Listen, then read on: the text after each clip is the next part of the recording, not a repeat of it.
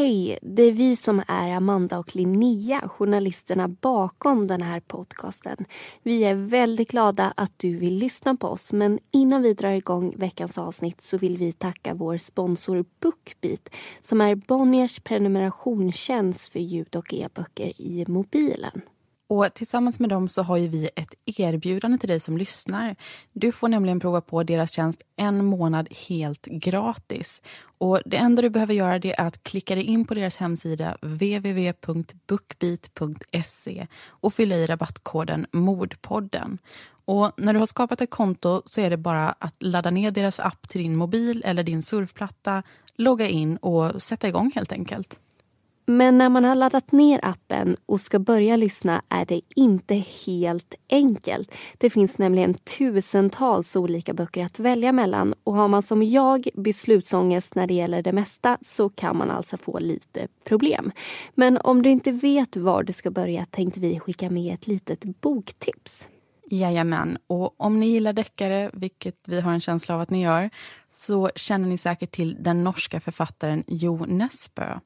Och han har gjort en populär serie om polismannen Harry Hole. Och den 21 mars så släppte han faktiskt sin elfte bok i den här serien. Och Den nya boken den heter Törst och den låter väldigt, väldigt spännande. En person hittas helt tömd på blod och med bitmärken på halsen. Och Polisen misstänker därför att det här handlar om vampyrism. Du hittar självklart Törst och Jo Esbøs andra böcker hos Bookbeat. Men nu tycker jag vi rullar igång veckans avsnitt.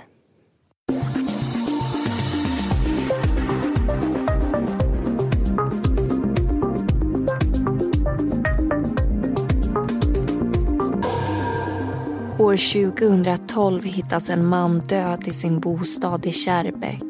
Han har blivit skjuten i huvudet och en omfattande förundersökning drar igång. Den döda mannen förekommer i närmare 30 avsnitt i belastningsregistret och har suttit i fängelse flera gånger, bland annat för dråp. Genom åren har han också skaffat sig en hel del ovänner. 2007 hotades han till livet över telefon och 2008 attackerades han med en yxa. Men vem den skyldiga till hans mord är skulle bli svårt att lista ut. Särskilt då dödsorsaken inte upptäcks direkt. Drygt två veckor hinner passera innan en utredning drar igång.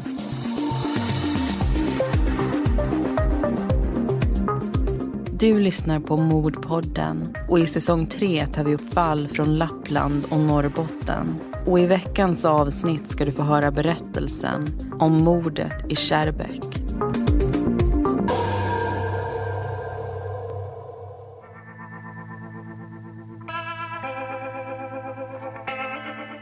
År 2001 flyttar en familj in i en villa i Vojakalla, cirka en mil norr om Haparanda det rödvita huset ligger i ett vackert läge intill Torne älv. Men likt de nya hyresgästerna har huset en historia. Under 15 år har sju olika familjer flyttat in i huset, gjort sig hemmastadda och sedan tvingats därifrån. Anledningen är grannarna i det vita huset strax intill, familjen Grönfors. En sammanhållen familj där en pappa bor tillsammans med åtta vuxna barn, tre söner och fem döttrar. Otaliga gånger har familjens fejd med grannarna i området belysts genom löpsedlar och artiklar. Mäklare vill inte längre ta i huset med tång och att hyra ut det är nästintill en omöjlighet. För ett par år sedan flyttade en prästfamilj in i huset då mannen arbetade i en närliggande kyrka. Det tog dock inte lång tid innan de började ångra sitt beslut. Stenar såväl som glåpord började hagla över dem dagligen. Fyllegubbe, hora, äckliga kärring. Grannarna Grönfors kunde också stå på andra sidan av det plank som skilde de två tomterna åt och spotta loskor över tomtgränsen samtidigt som de tyckte att prästen borde komma närmare. Vid ett tillfälle hade prästen tröttnat på deras konstanta ofredande och sprutat vatten på familjen över staketet. Handlingen hade provocerat ett svar och delar av familjen Grönfors hade tagit sig över staketet och in på hans tomt. Det hela slutade med att prästfamiljen barrikaderade sig inomhus och ringde till polisen. Flera händelser skulle komma att polisanmälas och ibland var det så illa att prästfamiljen behövde beskydd då de befann sig ute på sin egen gård. Familjen Grönfors störde sig bland annat så mycket på grannens gräsklippning att en polispatrull var tvungen att närvara vid de tillfällena. Även poliserna utsattes då för samma behandling som prästfamiljen. Till slut stod familjen inte längre ut och valde att göra som så många innan dem och flytta. Vid ett senare tillfälle kom prästen dock tillbaka för att kolla till huset. Besöket blev det sista strået och grannfejden kulminerade i en misshandel. Flera personer ur familjen Grönfors gav sig på prästen armerade med ett järnrör och en vedpinne. Han bad dem att sluta men möttes endast av sparkar och skratt. För ett ögonblick trodde han att det var så här allting skulle sluta. Att han skulle dö nu. Men sparkarna och slagen avtog och prästen lämnades vid liv med svullnader, blödningar och krossskador som skulle ta flera månader att läka. Efter en tid så dömdes två personer ur familjen Grönfors för händelsen till rättspsykiatrisk vård respektive böter. Prästen sökte därefter efter någon som skulle kunna ta över huset och sommaren 2001 hittade han Essa. När Essa och hans familj får erbjudande om att hyra det rödvita huset i Vojakalla tackar de ja. I ärlighetens namn har de inte så mycket att välja på. Essa och hans fru har en treårig dotter tillsammans och Essa har nyligen avtjänat ett fängelsestraff. Han har en färgstark bakgrund med mer än 15 domar i bagaget. Häleri, skjutvapenbrott, misshandel, narkotikabrott och dråp. Han klär sig ofta i läderutstyrslar eller kamouflagemönstrade kläder och har flera guldsmycken. Runt ena handleden glimmar en klocka och på fingrarna syns flera matchande ringar. Även halsen pryds av minst en guldkedja. Tillsammans med en hård personlighet utstrålar han bilden av en person man inte bör jävlas med. Precis så som han själv vill ha det. Essa kommer ursprungligen från Finland och föddes 1961 i Simo, cirka fem mil från den svenska gränsen. Han beskrivs redan i ungdomen som en person som inte skulle komma att passa in i något svenssonliv. Och genom åren börjar han glida in på en allt mer kriminell bana. Men det är först 1991 som vardagsbrotten byts ut mot något tyngre. Esa bor vid tillfället i Sverige men är på besök i Finland då han vid en korvkiosk i Kemi hamnar i slagsmål med en 28-årig man. Det hela spårar ur och Esa drar fram en pistol och skjuter mannen i huvudet. Efteråt tar han sig därifrån men lämnar snart självmant över sig till den finska polisen. Han döms till nio års fängelse för brottet, avtjänar åren och flyttar därefter tillbaka till Sverige. I det rödvita huset i Vojakalla är familjen precis nyinflyttad då de stiftar sin första bekantskap med grannarna Grönfors. Under de kommande åren utsätts de för samma händelser som familjerna innan dem. Stenar kommer flygande över planket, slår sönder tak och krossar fönsterrutor. Förolämpningarna haglar, bara orden är utbytta. Esa kallas för mördare och pedofil. Men det är inte bara han som träffas av glåpord och hot. Vid ett tillfälle säger familjen Grönfors att de ska ge sig på hans treåriga dotter. Att de ska våldta henne. Trots de konstanta hoten och attackerna har Essa inga planer på att flytta. Istället rustar han upp för framtiden. Han sätter upp kameraövervakning på tomten och gömmer en hel del skjutvapen i sitt hus. En av gångerna då grannarna skrikit skällsord mot honom säger en av bröderna Vi kommer träffas på vägen och du kommer inte att resa dig upp. Om familjen Grönfors bestämmer sig för att göra verklighet av hoten och passera tomtgränsen för att ge sig på Essa och hans familj så finns det inga tvivel. Essa kommer döda dem alla.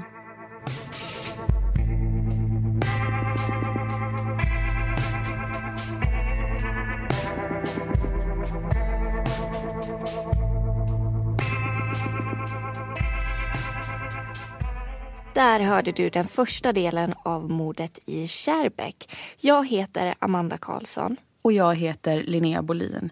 Och I den här diskussionen så tänkte vi gå in lite djupare på just den här grannfejden mellan familjen Grönfors och andra boende i Vojakalla. Och den här fejden den har ju pågått i lite drygt 15 år när Essa och hans familj flyttar dit. Och som alltid i ett argument eller en fejd så finns det ju två sidor att belysa och vi ska ju försöka vårt bästa för att göra just det.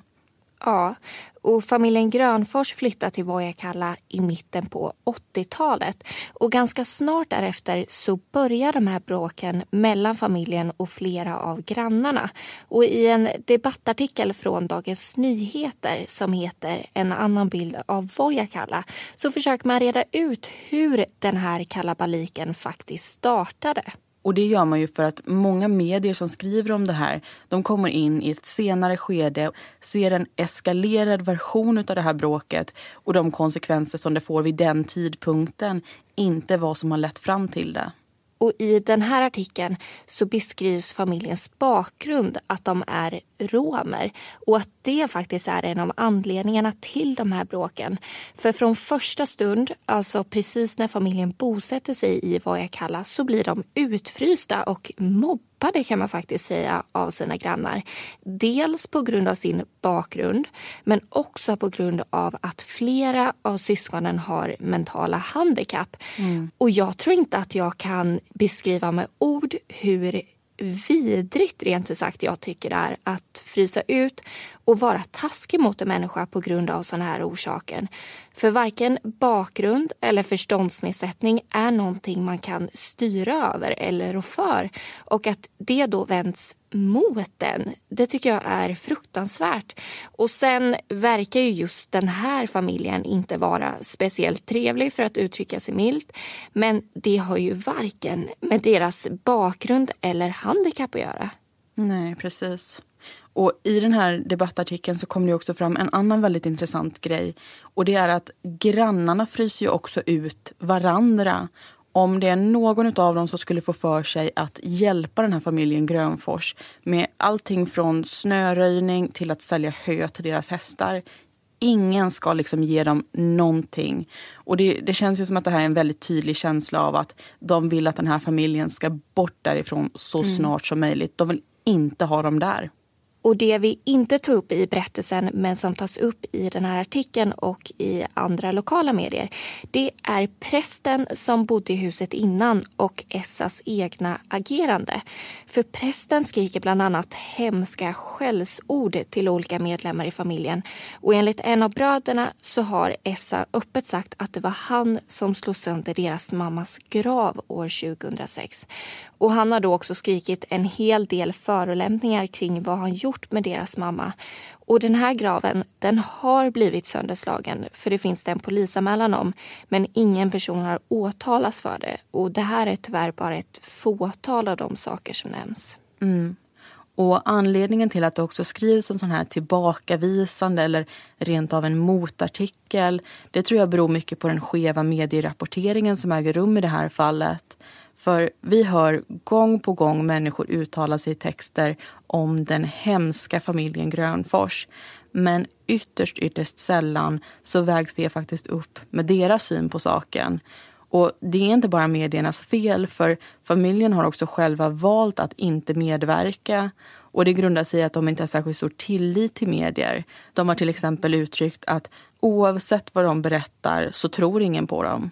Men jag tycker ändå att man måste vara medveten om hur varje ensidig text får över allt fler människor på den ena sidan av vågen utan att egentligen ens presentera den andra sidan. Och det kan leda till en väldigt svartvit skildring av det som faktiskt har hänt.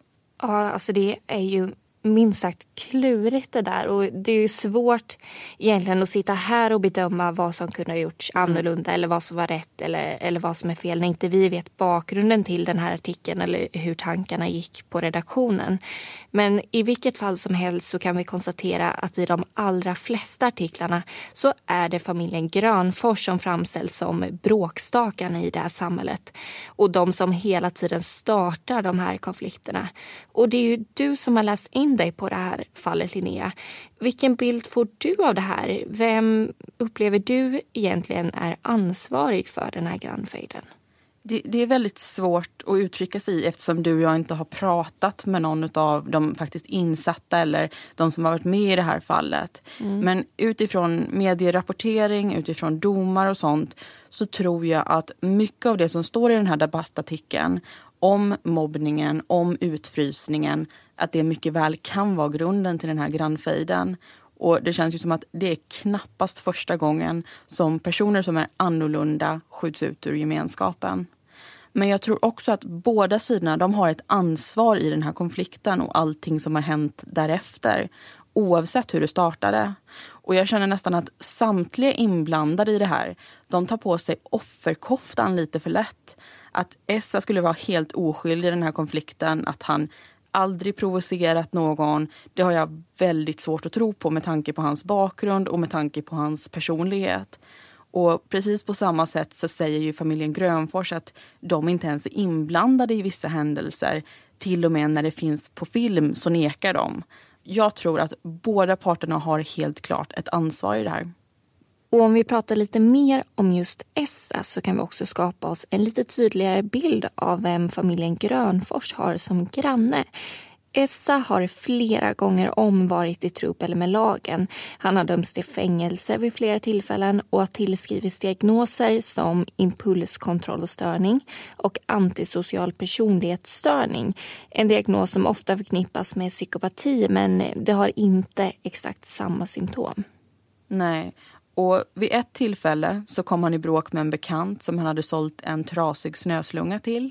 Och när den inte betalades, då ska Essa ha börjat pressa frun på pengar och också betett sig väldigt hotfullt mot samtliga i familjen.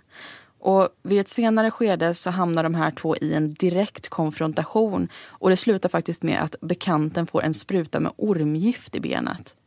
Och vi ska också berätta, apropå ormgift, att Essa har ett väldigt stort intresse för djur och speciellt reptiler. Vi skulle mm. faktiskt kunna dra några exempel på vad han har haft för djur. Bland annat har han ägt en chilensk fågelspindel, skäggagamer, dvärgigelkott och en gabonhuggorm som för övrigt är väldigt, väldigt giftig. Och genom det här intresset så får han kontakt med en kille i 20-årsåldern som heter Krille. Essa och Krille de är båda två reptilhandlare och kommer ha en hel del kontakt genom åren. Både när det gäller skötsel av djuren men även inköp av nya arter.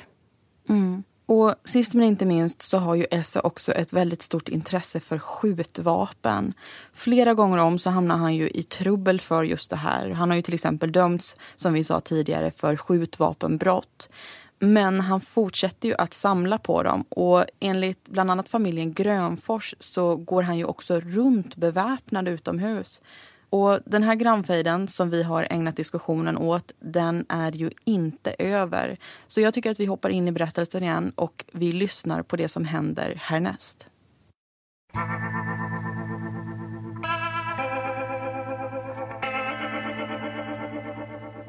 Flera polisanmälningar görs mellan familjerna genom åren och det hela resulterar bland annat i att familjerna har en hel del besöksförbud gentemot varandra. Men det är inte alltid det hjälper. En dag fångas Essa på film då han kommer körandes i en kamouflagedräkt på sin fyrhjuling. Det är familjen Grönfors som filmar. De ser hur Essa kliver av fordonet och kommer gåendes med en pistol i handen. Därefter tar videon slut. Samma dag blir Essa skjuten i benet och händelsen polisanmäls. En av bröderna Grönfors misstänks till en början för dådet men det går inte att bevisa vad som har hänt och ingen döms för den märkliga händelsen. Däremot görs en husrannsakan i samband med skottlossningen och hemma hos Essa hittas flera skjutvapen som tas i beslag. Den 11 december 2006, runt klockan nio på kvällen kommer ett samtal in till polisen från Vojakalla. Där Essa i andra änden. Han berättar att stenar ännu en gång kastas mot hans hus. Men konversationen får snart en vändning. Flera korta smällar hörs och Essa berättar för larmcentralen att det nu också skjuts skott mot huset. Efter händelsen anhålls åtta personer ur familjen Grönfors men sju släpps och en av bröderna döms senare till tio månaders fängelse för brottet. Efter skottlossningen mot huset är stämningen mer laddad än någonsin och Essa och hans familj bestämmer sig för att lämna Vojakalla bakom sig. Det har varit otaliga attacker mot familjen genom åren och nu står de inte ut längre. Förutom en dotter har de också en liten pojke och flera gånger har oron spridit sig i bröstet för att de ska råka ut för någonting. Att en av de flygande stenarna skulle träffa barnen i huvudet eller att hoten mot dem skulle eskalera till våld. Därför flyttar familjen 2007 till en grannort. Essas intresse för exotiska djur växer med åren och han har haft allt från ormar till spindlar och ödlor. Intresset har också fört honom samman med en annan lokal reptilhandlare, nämligen Krille. 2007 köper Essa en kajman av honom. Ett djur som är nära besläktat med alligatorer och som i stora drag ser ut som just en mindre sådan. Krille är egentligen tveksam till att överlåta djuret till Essa men känner sig ofta pressad i relationen till den äldre mannen. För Krille är det djuren som ska komma i första hand och han bryr sig väldigt mycket om hur de hanteras. Samtidigt cirkulerar rykten om att Essa mjölkar sina ormar på gift. Något som Krille inte vill vara en del av. Han sköter dock om Essas djur en hel del genom åren. Både då Essa är bortrest eller sitter på anstalt. I maj 2008, lite drygt ett år efter att familjen lämnat huset i Vojakalla åker Essa tillbaka dit för att hämta ett par bildäck. Han är medveten om hotbilden mot honom och hans familj och ställer därför upp en inspelningsbar digitalkamera på biltaket. Han går och hämtar två däck och går därefter tillbaka till bilen för att lassa in dem. Samtidigt börjar flera ansikten titta fram från andra sidan staketet och stenar kommer flygande. Vad som inte syns på kameran är det som händer härnäst. En av bröderna i familjen Grönfors smyger sig på Essa med en yxa i handen. Essa hinner precis höra någon bakom sig och vänder sig om när ett slag träffar honom i huvudet. Han faller till marken och ser hur mannen som står över honom gör sig redo för ännu ett slag. Slaget träffar honom den här gången med äggen rakt i pannan. Bredvid står andra medlemmar ur familjen Grönfors och uppmuntrar att slagen ska fortsätta. När det är över ligger Essa blodig på marken. Sex stycken hugg med yxan har träffat honom i ansiktet och nacken. Både polis och ambulans anländer till platsen kort därpå och det kan snabbt konstateras att flera medlemmar ur familjen Grönfors inte längre är hemma. Essa har fortfarande puls och körs i ilfart till sjukhuset medan polisen försöker kartlägga det som hänt.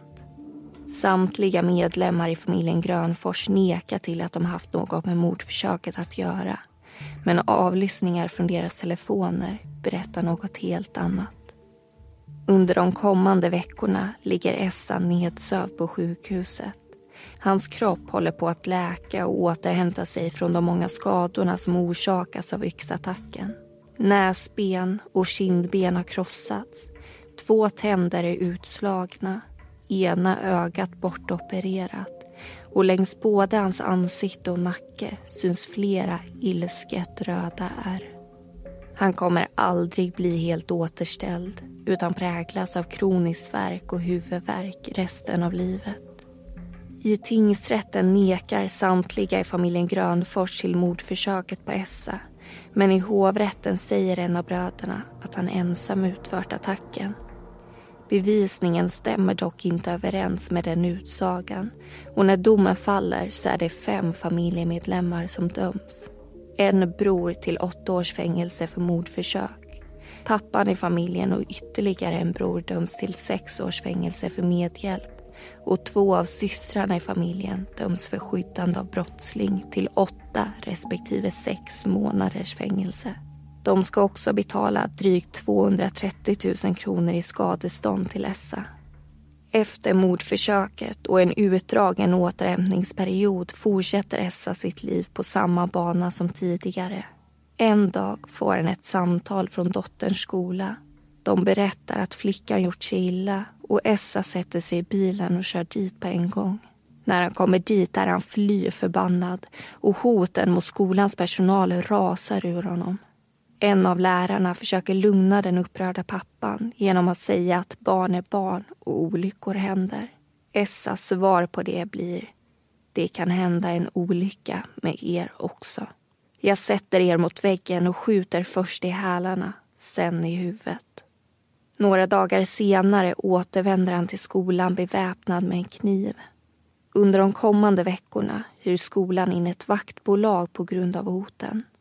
Men de är inte ensamma om att ha drabbats av Essas vrede. När en lokaltidning publicerar en maskad bild av hans nya bostad där han lever med skyddad identitet ringer han upp redaktionen och hotar dem också. Nästa gång de kör upp med en bil nära hans bostad, då kommer det ta stopp, säger han. Åklagaren har fullt upp med att driva ärendena vidare till åtal och 2009 resulterar huvudförhandlingen i en fällande dom. Essa döms då även för grov kvinnofridskränkning efter att hans fru berättat om det våld och det hot som hennes man också riktat mot henne.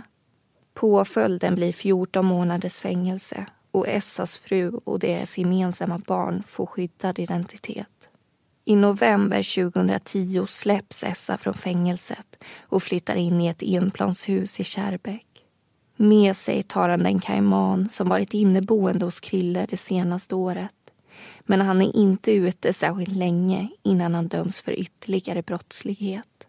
I september 2011 hamnar han återigen på anstalt. Djuren överlåts ännu en gång till Krille som nu också fått i uppgift att hjälpa Essa med ytterligare ett inköp. Den här gången handlar det om apor. Kontakten mellan Essa och Krille fortlöper under fängelsetiden precis som kontakten mellan Essa och hans före detta fru. De pratar någon gång i månaden om underhållsbidrag och det skadestånd som Essa väntar på från Brottsoffermyndigheten. Exfrun ber Essa att inte prata med vem som helst om de pengar så snart ska komma in på kontot. Hon tycker att han har blivit en aning naiv efter skallskadan och är orolig för att någon ska få nys om pengarna. Essa berättar också för henne om aporna och skickar en bild till henne där de sitter i handen på en kvinna. Han säger att aporna betalades i september och att de skulle levereras i oktober men att det ännu inte hänt. Han är också aningen orolig då han haft svårt att få tag i Krille och undrar hur det går med hans kajman. I mitten av mars 2012 är Essa utsläppt från fängelset och tillbaka i huset i Kärrbäck. Kajmanen är död och han hör ingenting från Krille förrän i början av april. Då kommer beskedet att aporna äntligen är redo för upphämtning och Essa och Krille gör upp en plan om att tillsammans åka ner till Skåne efter påsken för att hämta dem. Lördagen den 7 april på påskafton skriver Essa ett sms till sin före detta fru och frågar om de är vid någon brasa. I Finland är det nämligen tradition att tända eldar vid påsk. Han ber henne också att höra av sig när hon kan. Under söndagen ringer hon upp Essa, men får inget svar. På måndagen försöker hon igen, men inser att Essa kanske påbörjat sin resa söderut och att det är därför han inte svarar. Samtidigt försöker Essas advokat att få kontakt med honom. Pengarna från Brottsoffermyndigheten har kommit fram och han vill nu föra över dem till rätt konto. Tisdagen den 10 april har de ett möte inbokat men Essa dyker inte upp och det är inte likt honom. Advokaten försöker få kontakt med honom på telefon men när det inte lyckas åker han ut till huset i Kärrbäck under onsdagen. Vid infarten står en gammal glasskylt och vinkar. Till vänster en byggnad med tre garageportar och rakt fram det rödvita boningshuset. Advokaten går fram till dörren och inser att den är olåst. Han förstår att någonting är på tok och när han dessutom känner en stark lukt inifrån huset så ringer han omedelbart till polisen. I sängen inuti sovrummet ligger Essa på rygg med ett kulhål i bakhuvudet.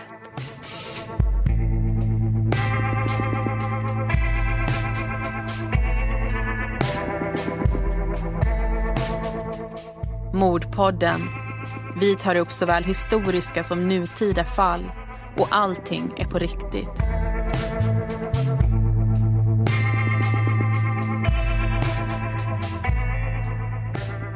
Och det var andra delen av berättelsen.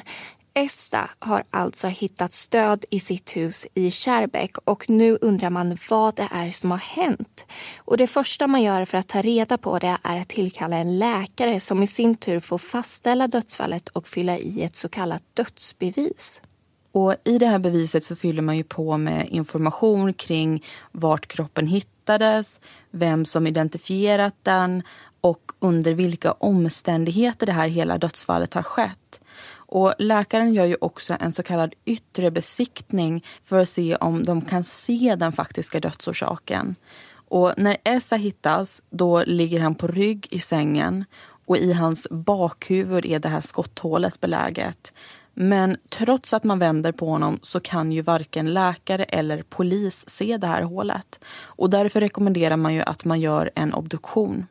Och under den här tiden så är Essas hem avspärrat i väntan på mer information. Så någon utredning drar inte heller igång.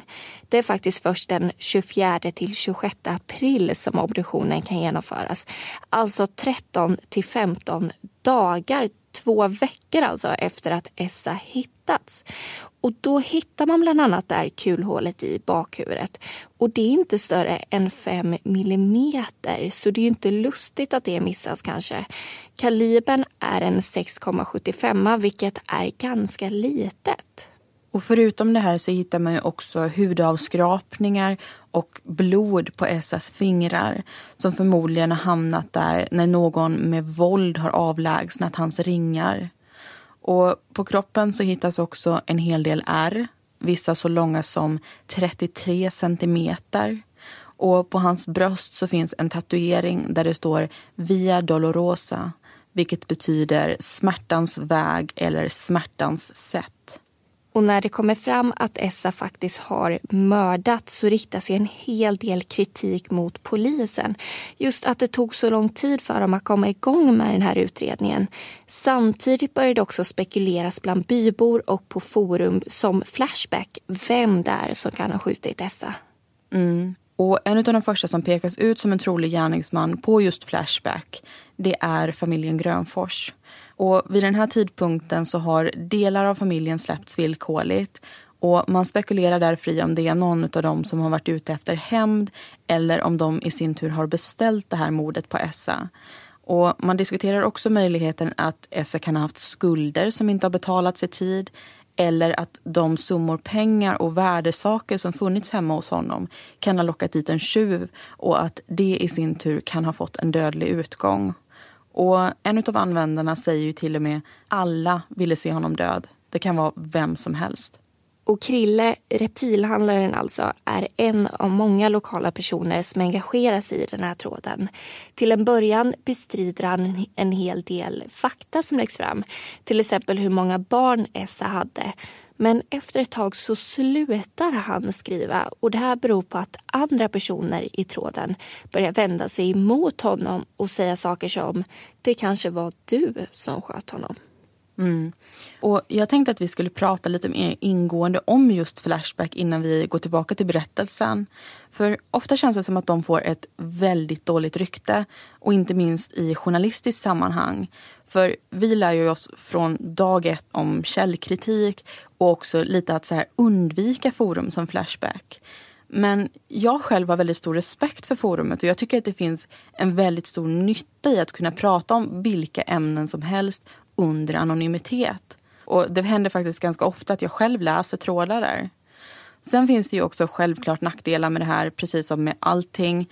Flera gånger om har människor hängts ut med bild och namn och länkar till Facebook-sidor. Och jag tycker att oavsett om den personen är skyldig till ett brott eller ej så är det här en väldigt stor inskränkning av deras integritet. Ja, men jag, jag är också väldigt kluven. För alla sådana här saker tycker jag är bra så länge det används på rätt sätt. Men tyvärr så gör det inte alltid det. Och jag är en väldigt, väldigt stark motståndare till mobbing. Mm. Och jag har aldrig förstått hur man kan må bättre av att trycka ner någon annan. Men det känns som att ett anonymt forum på internet där man kan skriva vad man vill om vem man vill bäddar ju lite grann för det. Och tyvärr upplever jag att det är väldigt mycket negativitet och smutskastning på Flashback. Vilket är synd, för jag tycker som sagt att det finns någonting väldigt bra i att folk kan dela erfarenheter och information med varandra på ett väldigt enkelt sätt. Och Vi ska ju alldeles strax gå tillbaka till berättelsen men först vill vi ju i vanlig ordning tipsa om en av de andra poddarna som ni kan hitta i Radio Play-appen.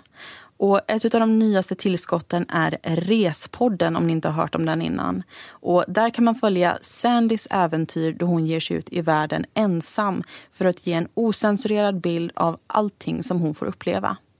Genom den här podden hoppas hon kunna inspirera andra att våga åka iväg själva. Och tycker ni att det här låter intressant så får ni gärna lyssna på hennes avsnitt och det kommer ut ett nytt varje fredag. Och ni hittar det som vanligt i Radioplay-appen.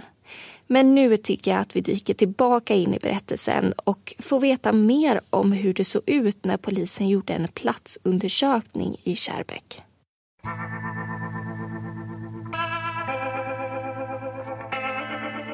Då cirka två veckor passerat återvänder polisen till Essas bostad i Kärrbäck. Det råder stor oreda i de flesta rummen och kläder såväl som prylar står staplade ovanpå varann. Kökets mintgröna luckor matchar hallens väggar. I vardagsrummet står en moped parkerad med en filt hängandes från ena handtaget. Runt omkring ligger kassar och halvfyllda korgar. Till vänster innanför sovrumsdörren står en ljusmålad säng. Dokument och kläder tar upp den ena halvan medan den andra halvan täcks av en mörk substans som liknar blod. I det ena hörnet av sovrummet, bakom en byrå hittas en tomhylsa av kaliber 7,65 och på golvet bredvid dörröppningen återfinns en silverfärgad väska som innehåller vapenrengöringsborstar. Kanske hade det också tidigare legat en pistol där i.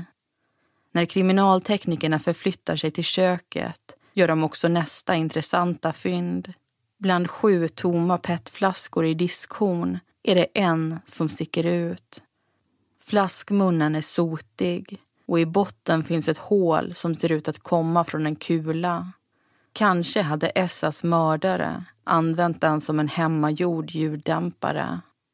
Samtliga dörrar och fönster genomsöks i bostaden men man finner inte några tecken på inbrytning förutom den olåsta ytterdörren.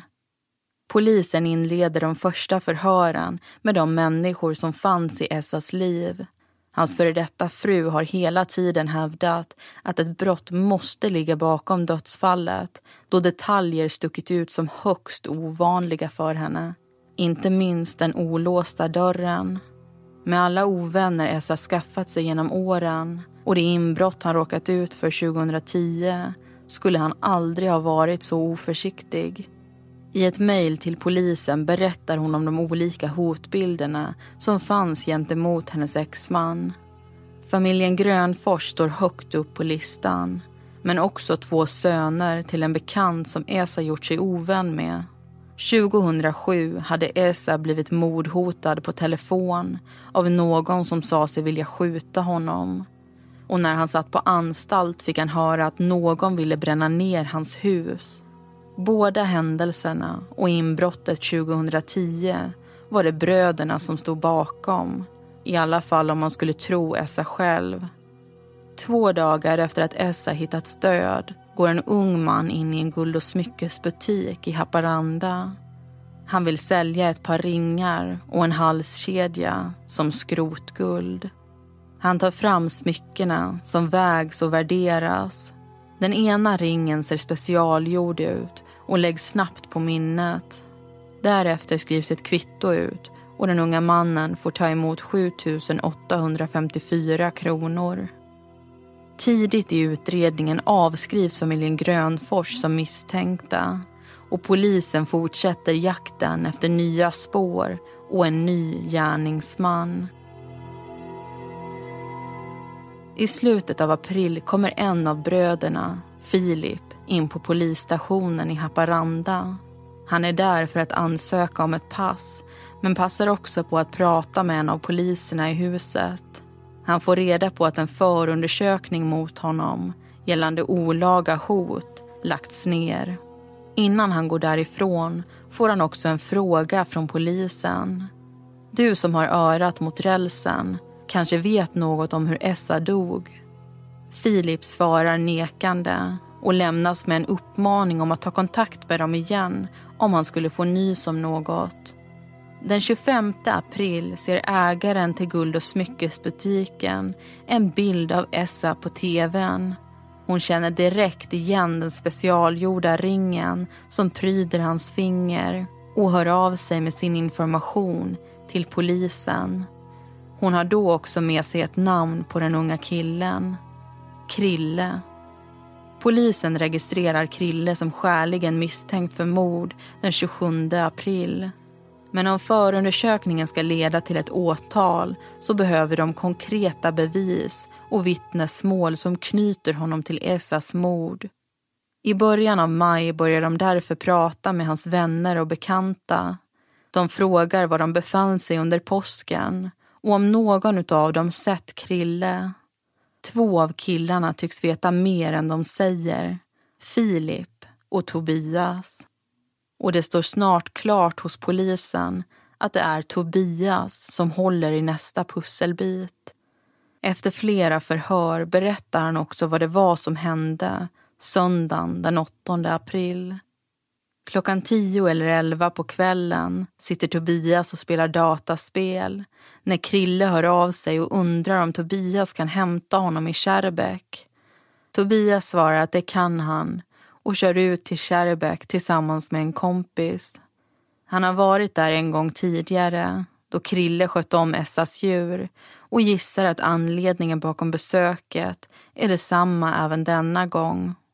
När de kommer fram parkerar de bilen ute vid vägen och väntar. Snart ser de Krille komma gåendes med en vit tygsäck i handen.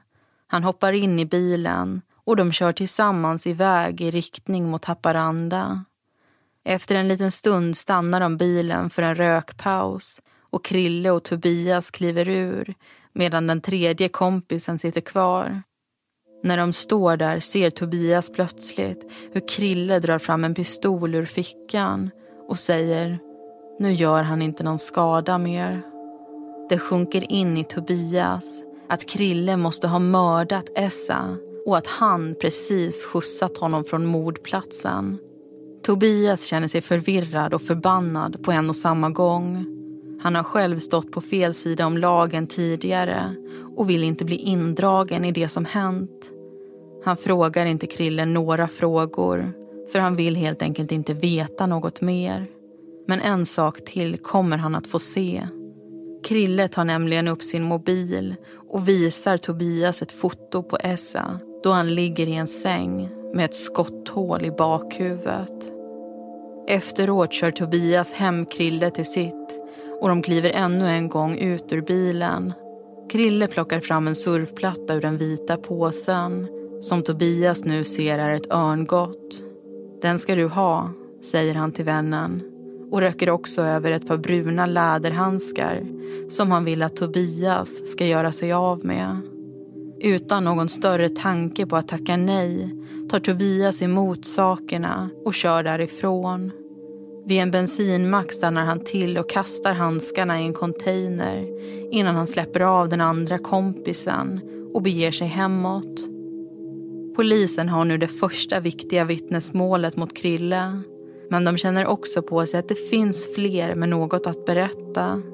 När Philips bror anhålls av polisen med en guldklocka på sig så väljer också Filip att berätta om sin egen inblandning. Varken han eller brodern har något med Essas död att göra men han vet vem det är som har gjort det och han har själv hjälpt till att röja undan spåren. I slutet av april ses Filip och Krille på en restaurang i Haparanda. De är ensamma vid bordet då Krille tar upp sin mobiltelefon och visar en bild för Filip. Det han ser är en man med ett skotthål i bakhuvudet och han säger till Krille att för helvete ta bort bilden. Krille berättar också att det är Essa på bilden och att det är han som har dödat honom. Filip får senare i uppdrag att göra sig av med pistolen som används i mordet. I utbyte räcker Krille över en guldklocka. Precis som Tobias tar Filip emot stöldgodset och gör det han blir ombedd om. Anledningen för honom är att han alltid tyckt illa om Essa, varit rädd för honom och anser att Krille gjort omvärlden en tjänst genom att döda honom. Delar av pistolen kastas i havet från Seskaröbron medan resten förvaras i en apotekspåse i en källare. När förhöret med Filip är över så leder han polisen till fynden som i sin tur kan säkras. Filips bror släpps medan Krille häktas. Händelseförloppet som byggts upp genom vittnesmålen tyder på att Krille kommit till Essa någon gång under söndagen under föreställningen om att de skulle bege sig till Skåne dagen därpå. Men när Essa gått och lagt sig hade Krille tagit fram pistolen, gått in i sovrummet och satt den mot hans bakhuvud innan han tryckte av. Det är förmodligen efter det som han plockat på sig örngottet och där i lagt surfplattan såväl som Essas smycken. Därefter hade han ringt till Tobias för att få skjuts därifrån. Att det skulle vara någon annan än Krille som dödat Essa är högst osannolikt. Men anledningen till mordet är svårare att reda ut. I förhör framkommer det att Krille själv aldrig tycks ha sökt en vänskap med Essa och att deras relation snarare var en påtvingad sådan. Det kommer också fram att Essa riktat sexuella inviter och hot mot Krilles mamma och syster. Att de alla vid tillfällen varit rädda för honom men att Essa i sin tur litat på Krille. En tillit som en kväll i april kostade honom livet.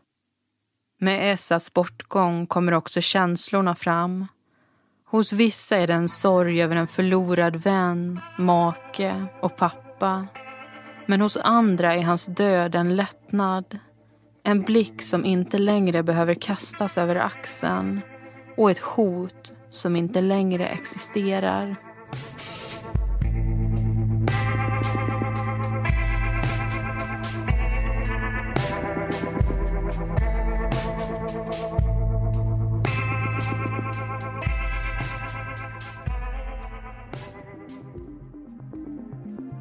Krille friades från samtliga åtalspunkter i Haparandas tingsrätt men fallet överklagades till hovrätten för övre Norrland som i sin tur dömde honom till 15 års fängelse för mord. Tack för att du lyssnat på mordet i Kärrbäck. Alla förutom Essa och familjen Grönfors heter egentligen något annat och informationen är hämtad från flera domar i fallet. Förundersökningen, TV3 Dokumentär, säsong 6 avsnitt 3. Insider, grannfejden i Vojakalla och artiklar. Nästa vecka berättar vi om Bodenfallet.